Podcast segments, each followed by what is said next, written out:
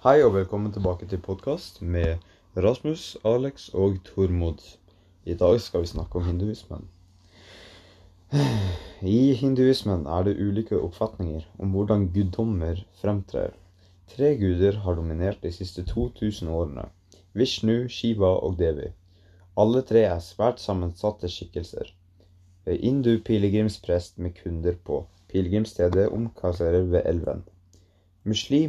Muslimenes erobring av det meste av det nordlige og sentrale India hadde store følger for kultur og samfunnsliv i India, men det er uklart hvilke endringer dette medfører i hinduismen. Møtet med de europeiske kolonimaktene som kom sjøveien tidlig på 1500-tallet, hadde i flere hundre år liten betydning for hinduismen. Det var først fra begynnelsen av 1800-tallet at europeerne, først og fremst britene, kom til å øve stor innflytelse på det indiske samfunnet. Enkelte velutdannede hinduer ønsket å fjerne det som ble betraktet som forfall i forhold til den nye, til den opprinnelige eller ekte hinduismen som kastesystemet, tempelkult og bhakti.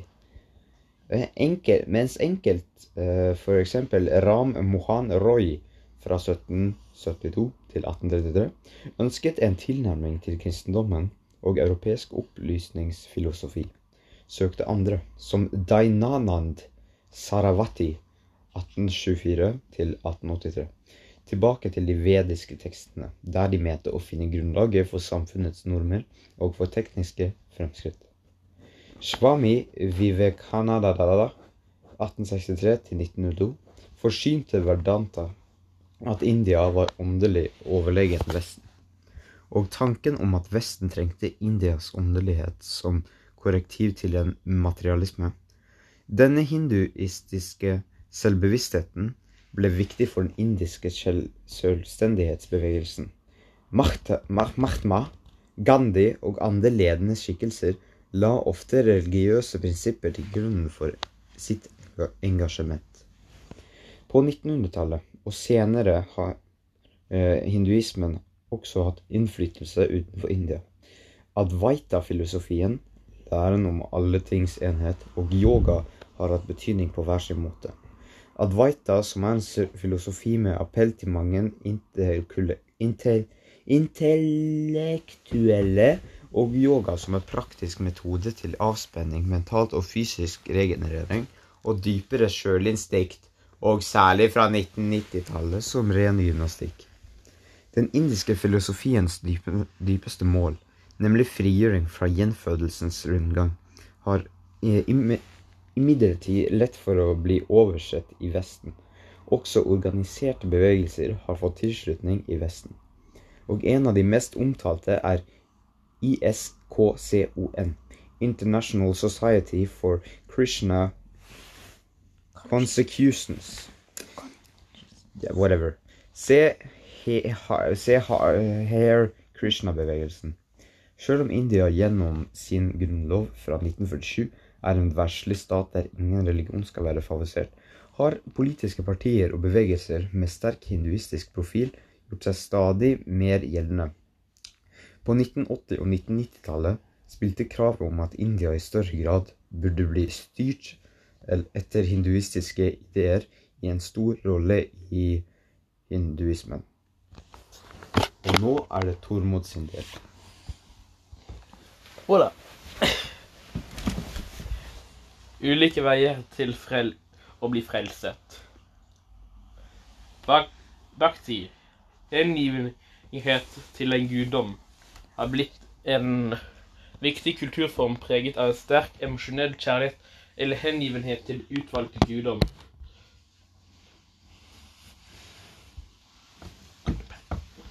Um, I Bagh var din beskrives ulike veier til å frelse den ulike tolkningen av disse og hvor mange de er, men ofte skyldes mellom tre veier til å frelses.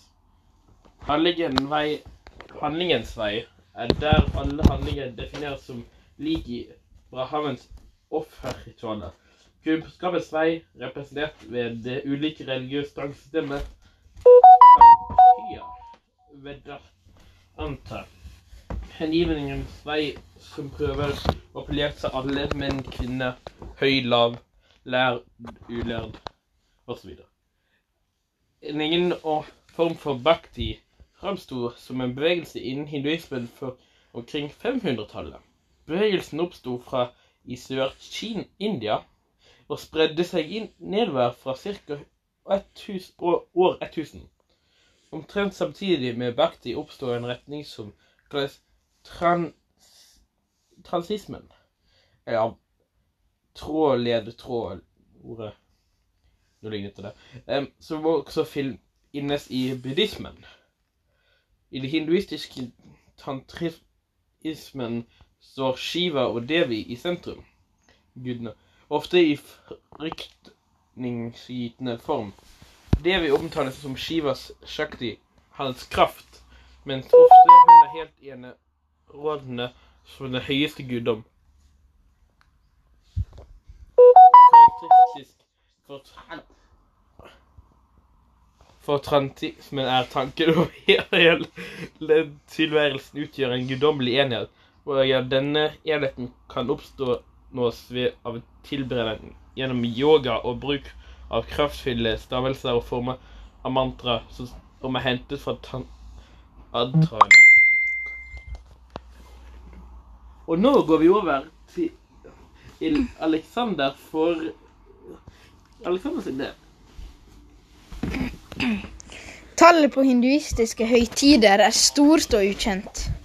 Det finnes små høytider som blir feiret i en enkelt landsby, og store høytider som blir markert i hele den hinduistiske verden. De gamle og sprikende tradisjonene bak hinduismen kan være en grunn. En annen at hindukalenderen ikke har hviledager slik den jødiske, kristne og muslimske har. De mange høytidene blir en annen eh, måte å skape avbrekk i hverdagen på, på for hinduene. De fleste større høytidene finner sted mellom august og desember. Noen høytider blir ikke feiret hvert år, men sjeldnere, f.eks. hvert tolvte år. Den religiøse markeringen av en høytid innebærer som regel en større eller mindre puja. Denne kan foregå hjemme ved et husalter eller i, større, i større stil i et tempel. Tenning av lys og utdeling av velsignet vann, mat, blomster eller fargestoff er gjerne en del av, begge, uh, av dette begge plasser. Opptog hører med til mange høytider. Før feiringen tar vi tar, uh, Før feiringen tar til vi må vaske seg og ofte ta på nye klær. God mat og musikk kan òg være viktige deler av en høytidig markering. Diwali, også kalt Dipavali, er en lysfest som feires i oktober til november, og er en populær eh, særlig i nordlige deler av India og i Nepal. Festen feires både av hinduer, sikher og jainer, men knyttes til ulike fortellinger og forestillinger. Lysets seier over mørket er festens sentrale symbolikk. Det er en vårfestival som assosieres med guden Shiva og Krishna. Festivalen har religiøse røtter, men det er eh, lite religiøst aktivitet som er involvert i feiringen. Feires i månedsskiftet februar til mars. Holi er en av de mest intense hinduistiske festivalene preget av mye humor. I hinduismen er det ingen fast dag i uka som regnes som hellig. Dashara, eh, hindu, eh, Dashara-hinduene feirer Dashara for å huske hvordan prins Rama vant over den onde demonen Ravana. Dashahara er også en fest for mor Gagnes. Festen blir feiret i oktober.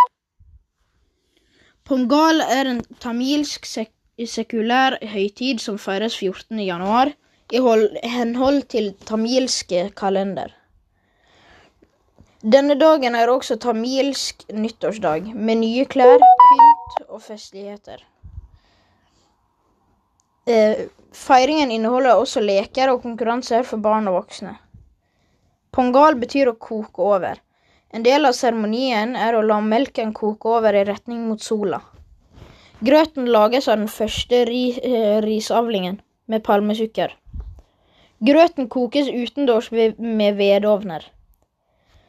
Det lages vakre mønster ved inngangspartiene med ris som fuglene fortærer etter hvert. Tamiler fra alle religioner feirer pongal. Festen har ikke noe med hinduismen å gjøre, derfor kan alle feire den. Pongal er en takkefest for sola som gir årstider, avlinger osv. Dagen eh, etter er det tid for takkefest for kyr som pløyer jorda, gir gjødsler og melk. Og det var alt for oss.